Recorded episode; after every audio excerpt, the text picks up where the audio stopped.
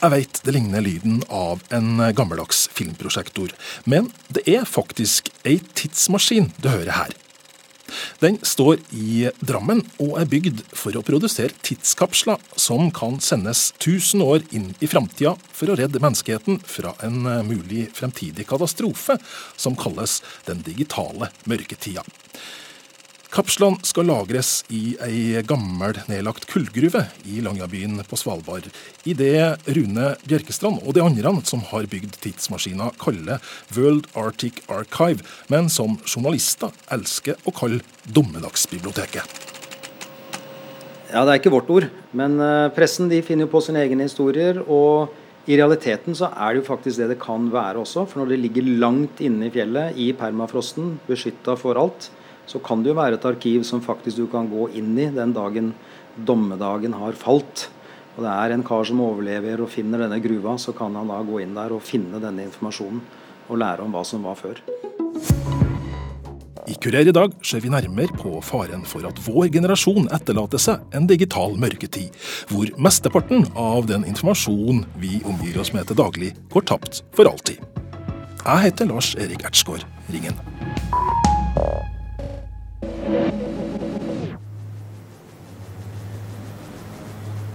Vi lever i en hverdag som er bygd opp av ett-tall og nuller.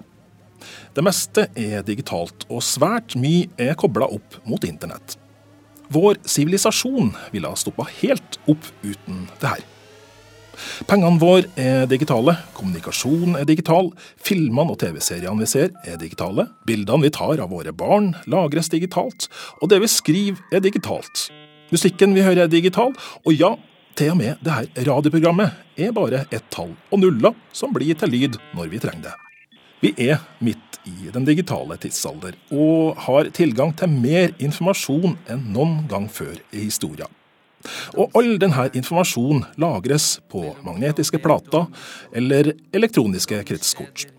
Store deler av vår kulturelle arv består av små, små magnetiske felt på en roterende skive. Bits og bites som bl.a. blir til den Carpe Diem-videoen du hører i bakgrunnen, som er henta fra YouTube. For corner er ikke mål, mål er mål. Det er det de lærte meg i Holmenkollen. The more critical question is no matter what the medium is in which digital bits are recorded, how long will we be able to read them and how long will we make sense out of them? And so the issue here is not just the physical bits, but what do they mean? If you use a program, for example, to create a spreadsheet, Vinton Surf, som ikke bare er direktør i Google, men også er en av dem som fant opp internett, er en av mange vitenskapsmenn som advarer mot at dagens digitale informasjonssamfunn kan etterlate seg en digital mørketid, fordi all den informasjonen som vi produserer og omgir oss med, lett kan forsvinne eller bli uleselig i framtida. Øyvind Nyland er avdelingsleder på IBAS på Kongsvinger, som er eksperter på å få ut tapte data fra ødelagte harddisker. Han utelukker ikke at den digitale mørketida kan komme. Ifølge Nyland er det tre problem som kan gjøre det vanskelig å lese våre harddisker i framtida. Den magnetiske informasjonen kan ha forsvunnet helt fordi at vi ikke har brukt dem. Teknologien kan ha blitt så gammel at det ikke finnes en avleser lenger, og formatet på datafilene som er lagra på disken kan være så forelda at de er umulig å tolke. Dagens lagringsteknologi er jo hovedsak eh, basert seg på magnetisk eh, lagring, et analog device. Og eh, så lenge du har kan du si, strøm eh, på devicet, og du kan du si, oppfrisker magnetismen ved å skrive dataene på nytt, eller refreshe, eh, så kan det holde veldig lenge. Men eh, klart, hvis man tenker å, å på konservere eller ta en harddisk og putte den på hylla, og så finne gjennom 100 år, så vil mest sannsynligvis magnetstrukturen ha svekka seg så mye at dataene ikke er tilgjengelige lenger. Um, klart det med med langtidslagring har jo flere aspekter rundt seg. Det, det, ene er jo om faktisk da dataene ligger på platene, og eh, at magnetstrukturen er den samme som den var for mange år siden. Og den, den vil bli svekket. En annen kan du si, aspekt ved det er jo om det fins faktisk noe som kan lese de dataene om 10-100 år.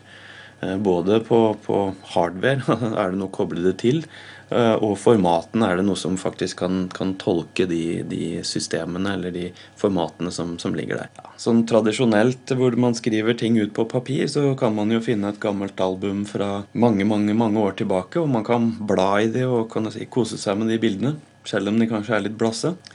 Eh, når mine forhåpentlig barnebarn eller barnebarn 50-60 eh, år fram i tid finner eh, min gamle disk med bilder på, så fins det mest sannsynligvis ikke noe sted man kan plugge inn den og bare se på de bildene. Så sørg for å ha dataene eller bildene lagret på flere forskjellige steder. Problemstillinga er realistisk nok allerede nå. Mange av dere har kanskje en 20 år gammel floppydisk med viktige filer som ikke kan leses lenger. Og altfor mange av oss har opplevd den fortvilelsen det er at harddisken med hundrevis, kanskje tusenvis av uerstattelige fotografi har slutta å virke. Øyvind Nyland forteller at IBAS daglig får spørsmål om å redde uerstattelige familiebilder. Det er um, veldig stor pågang av uh, private som på en måte av en eller annen årsak har da mistet bildene sine. Og klart, i dag så har kanskje de fleste lagret 10-15-20 eh, år med digitale bilder eh, på, på eksterne harddisker eller bare på, på, maskinen sin. og klart når, når, det blir borte, så har det en utrolig stor eh, verdi for, for, den enkelte. Det kan være ja, fra fødsler, brylluper, masse, masse gode minner som, som da forsvinner. Det å ta vare på digitale familieminner er et tungt og krevende ansvar i seg sjøl. Men Nasjonalbibliotekets oppgave er enda mye større. For deres ansvar er å arkivere vår felles kulturarv for fremtidige generasjoner. Svein Arne Solbakk har ansvaret for den raskt voksende digitale delen av Nasjonalbibliotekets samlinger. De har til nå digitalisert 90% av alle norske bøker, og én av tre aviser som noen gang har blitt publisert. I tillegg til det tar de vare på arkivstoff fra radio, TV, film og musikk. Datamengden til biblioteket er allerede enorm. Ja, Den digitale samlinga vår er ca. 6 petabyte i dag. Så det er 6000 terabyte, eller 6 millioner gigabyte. Så det, det er relativt uh, omfattende. Eh, hvordan lagrer dere det her og sikrer det at det ikke skal, skal, forsvinne ved en feil eller en hendelse? Det vi har i dag, det er en infrastruktur der vi lager hele den digitale samlinga i tre kopier. To av de kopiene står inne i et fjellmagasin. Den tredje er plassert en annen plass. Så har vi naturligvis eh, andre rutiner og mekanismer rundt det her for å sikre oss at det her skal leve, leve inn i fremtida. Blant annet må vi jo følge med på de formatene vi har lagra. For eh, de er ikke evigvarende, og de må migreres til nye, moderne format eh, etter hvert over tid. Oppgaven med å ta vare på de ytterst verdifulle petabytene i Nasjonalbiblioteket er altså en kontinuerlig jobb som man aldri blir helt ferdig med. For slutter man å bruke tid, penger og ressurser på det her, forsvinner kulturskattene, forteller Svein Arne Solbakk. Eh, hvis man har en harddisk eller ei CD-plate med data eller et eller annet sånt liggende i sitt private hus uh, uten å uh, jobbe med det over tid, så går det tapt. Sånn er det bare. Også den digitale samlinga til Nasjonalbiblioteket. Den er, vi jobber helt kontinuerlig med den, og er nødt til å migrere til nye teknologiplattformer sånn relativt hurtig i et sånn tusenårsperspektiv. Og det er vi helt nødt til, for at det, den digitale samlinga skal overleve. Ville de her data eksistere for framtida hvis man slutta å vedlikeholde og passe på de her datasentrene? Nei, det, det vil jeg absolutt ikke. I, I, dag så regner vi med en levetid på diskteknologi på fem til seks år. Og Da må det over på ny og moderne teknologi. Hvor realistisk er frykta for denne digitale mørketida, tenker du? Jeg tror den er veldig reell. Det, den digitale samlinga vår er en enorm investering. Og vi, eh, vi, gjør eh, veldig bevisste grep for å sikre at vi skal kunne ha den eh, inn i fremtida. Vi, vi har et tusenårsperspektiv både på den digitale og den analoge samlinga. Men det er åpenbart at dette er mer utfordrende på det digitale området. Og ifølge sjefen for Nasjonalbibliotekets digitale samlinger er det ikke bare tekniske utfordringer som kan føre til en digital mørketid. Også økonomiske problem kan fort føre til tapte data. Det at skyen nå er blitt tilgjengelig for hvermannsen, det betyr jo at uh, hvis man lager ting i skyen, så er det på en måte andre som tar, tar uh, jobben med å sikre dataen. Og de, uh, de vil jo være sårbare for svingninger i økonomi. Det, vi har ikke noe garanti for at ikke de går på kne på et tidspunkt. Og da risikerer man jo å miste data som ligger der. Så også på det området må man jo sikre seg å ha flere kopier av ting. Det er livsfarlig å ha bare én kopi av digital informasjon. For å leite opp en potensiell løsning på den digitale mørketida som truer med å viske oss alle ut av historia, setter vi oss på toget for å finne ei tidsmaskin. Neste stasjon er Drammen. The next station is Drammen. En kort gåtur fra jernbanestasjonen i Drammen finner vi hovedkvarteret til teknologiselskapet Pickle. Og det er her tidsmaskina vi hørte om i starten av programmet står. Daglig leder Rune Bjerkestrand tar oss med inn i et mørkerom med rødt lys, og viser oss hvordan tidsmaskina fungerer.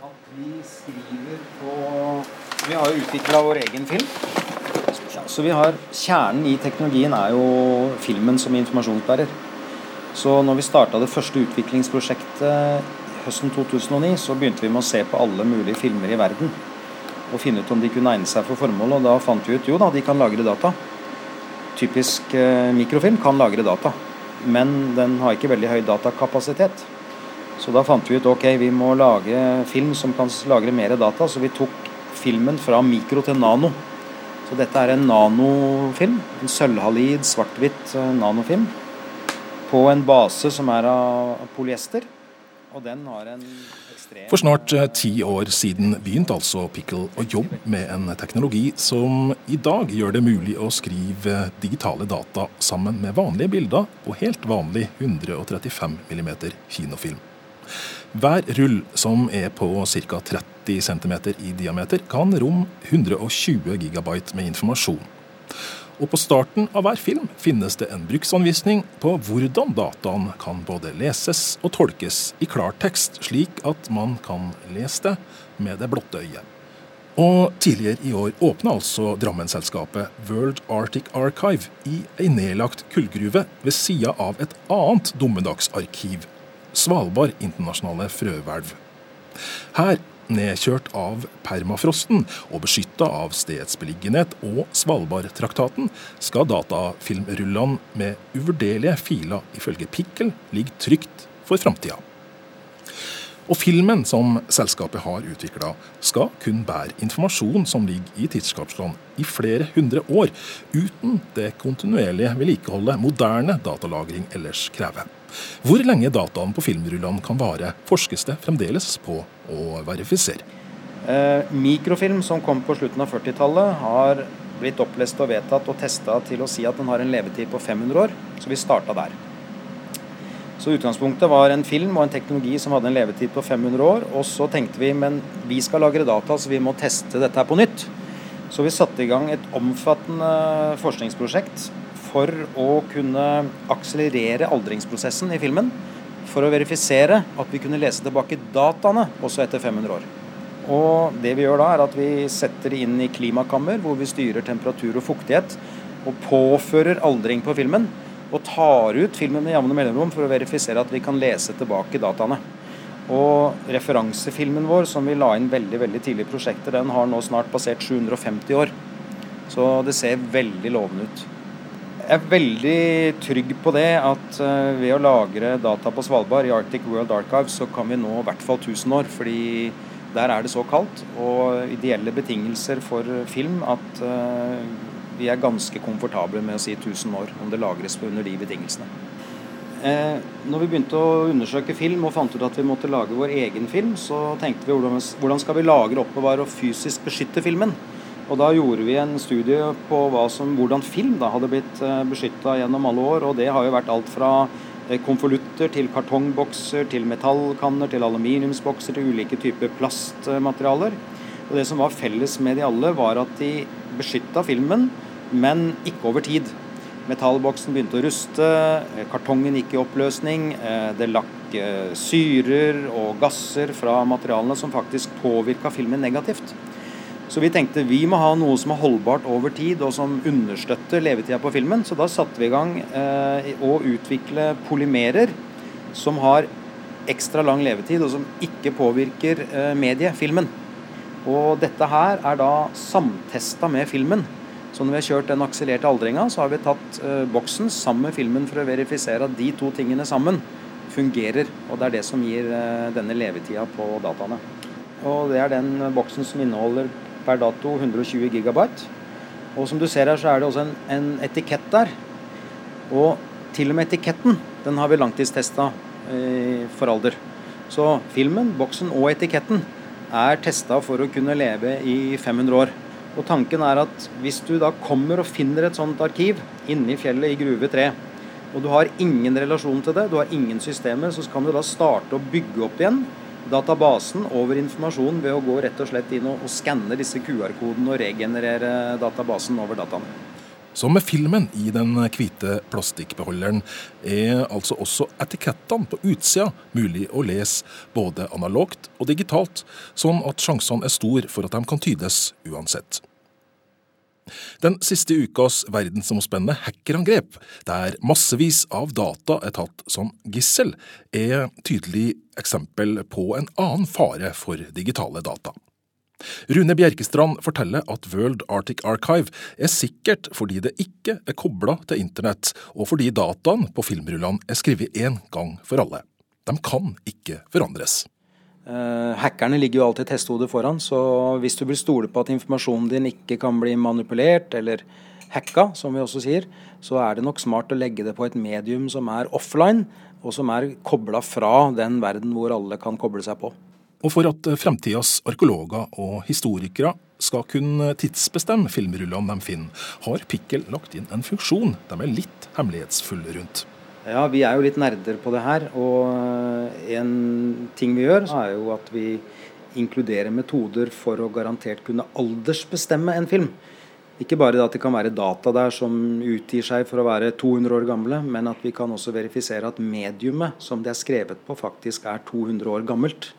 Hvordan, hvordan gjør dere det? Ja, Det det kan vi ikke helt fortelle. fordi eh, det er litt som når du skal merke produkter i forhold til forfalskning. så men vi har et veldig spennende forskningsprosjekt på akkurat dette her for å kunne legge inn tidsmarkører eh, som vil kunne identifisere alderen på filmen, sånn at du sammen med alderen på filmen og informasjonen som ligger på filmen, faktisk da kan bekrefte med en aldersbestemmelse av mediumet og dataene faktisk Yes, disse dataene er faktisk autentisk 200 år gamle.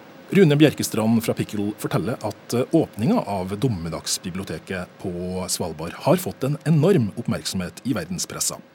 Foreløpig har World Arctic Archive noen få kunder, og flere er på vei inn. Oppe på Svalbard har vi foreløpig tre kunder. Eh, Brasils nasjonalarkiv, Mexicos nasjonalarkiv og norske kommunenes digitale ressurssenter, KDRS i Trondheim. Eh, og så har vi gjort en, eh, en eh, ganske interessant pilot med Vatikanbiblioteket. Og signert en intensjonsavtale med de som kan bli veldig veldig spennende. Og så har vi et par kunder, store kunder i mediebransjen som vi faktisk ennå ikke kan gå ut offentlig med.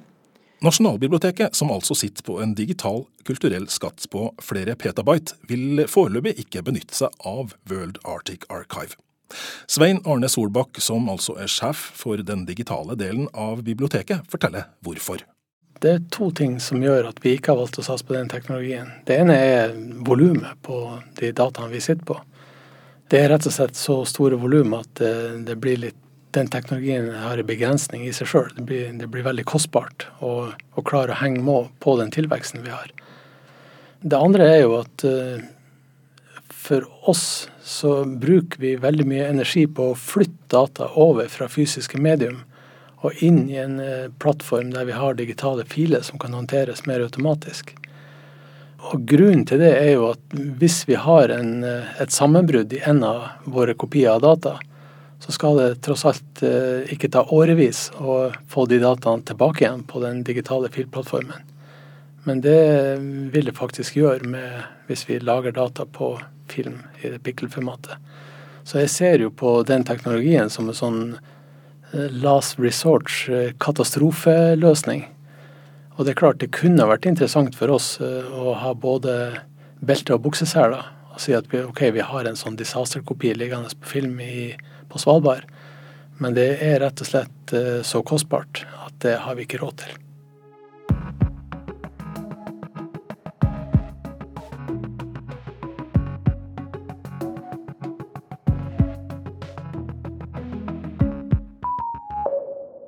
Men er det egentlig viktig at vi gir framtida tilgang til dataen vår? Historieprofessor May-Britt Oman Nilsen mener at vi som sivilisasjon har et udiskutabelt ansvar for å sikre vår digitale arv for kommende slekter. Det kan fort være at den blir svært verdifull. Jeg syns det er viktig at eh, samfunn etterlater seg et materiale som en på kort sikt gjør det mulig å eh, gjenskape eh, den informasjonen en ville trenge i en, en, i en tenkt krisesituasjon. Altså hvilke lover gjelder, hvem bor i landet, hvilke rettigheter har de, osv. Altså en helt grunnleggende eh, samfunnsinformasjon for at sivile samfunn skal fungere. Spør du en historiker, så vil vi jo synes at alle samfunn skal videreformidle så mye de kan til kommende slekter, og at vi har en plikt, ikke bare eh, som historiske vesener, men som, eh, som, mennesker i det hele tatt, å tenke noen generasjoner frem i forhold til naturen, i forhold til medmennesker, og selvfølgelig i forhold til historisk eh, innsikt. Og det betyr jo at eh, det å legge igjen dokumenter fra vår tid som er viktige, det er en, en sentral del av det. Men det må vi da også huske at én ting er å legge de igjen. En annen ting er faktisk det å kunne lese de. For sånn som jeg har skjønt med dette arkivet, så vil det finnes i en form der det også finnes en slags dekodingsnøkkel, sånn at fremtidige generasjoner vil ha muligheten til eh, eller tilgjengelighet til en teknologi som gjør det mulig å lese materialet i dette arkivet. Men det betyr jo ikke nødvendigvis at de vil kunne klare å forstå det og, og fortolke det. Det krever at vi også er villige til å opprettholde kunnskap om språk, kunnskap om samfunn og kunnskap om historie. Professoren mener at det ikke er utenkelig at vi i framtida kan oppleve at mye er tapt i, i, sammenheng med dette arkivet så er det jo mange som nevner naturkatastrofer, øh, øh, krig øh, og andre ting som gjør det. Men økonomi kan jo også være en del av det. Rett og slett manglende vedlikehold. Det, det, er jo, det er jo velkjent at arkiver og kulturelle samlinger ikke nødvendigvis er det som prioriteres i en krisesituasjon. Så, så det kan være mange grunner til at digitalt materiale ikke får den omsorgen og levetiden, ikke bare teknologiske, som vi kanskje skulle håpe. Verden er full av forskningsinstitusjoner og kulturinstitusjoner som ikke lenger har budsjett til vedlikehold de samlingene de sitter på. Sånn at, eh, at, det ikke skulle være et reelt problem i forhold til digitalt materiale som vi ønsker å ta vare på, det, det er vanskelig å forstå. Ifølge May-Britt Oman Nilsen kan det vise at den eh, forurensninga og det søppelet vi produserer i dag, er vesentlig mer holdbart enn vår digitale arv til framtida.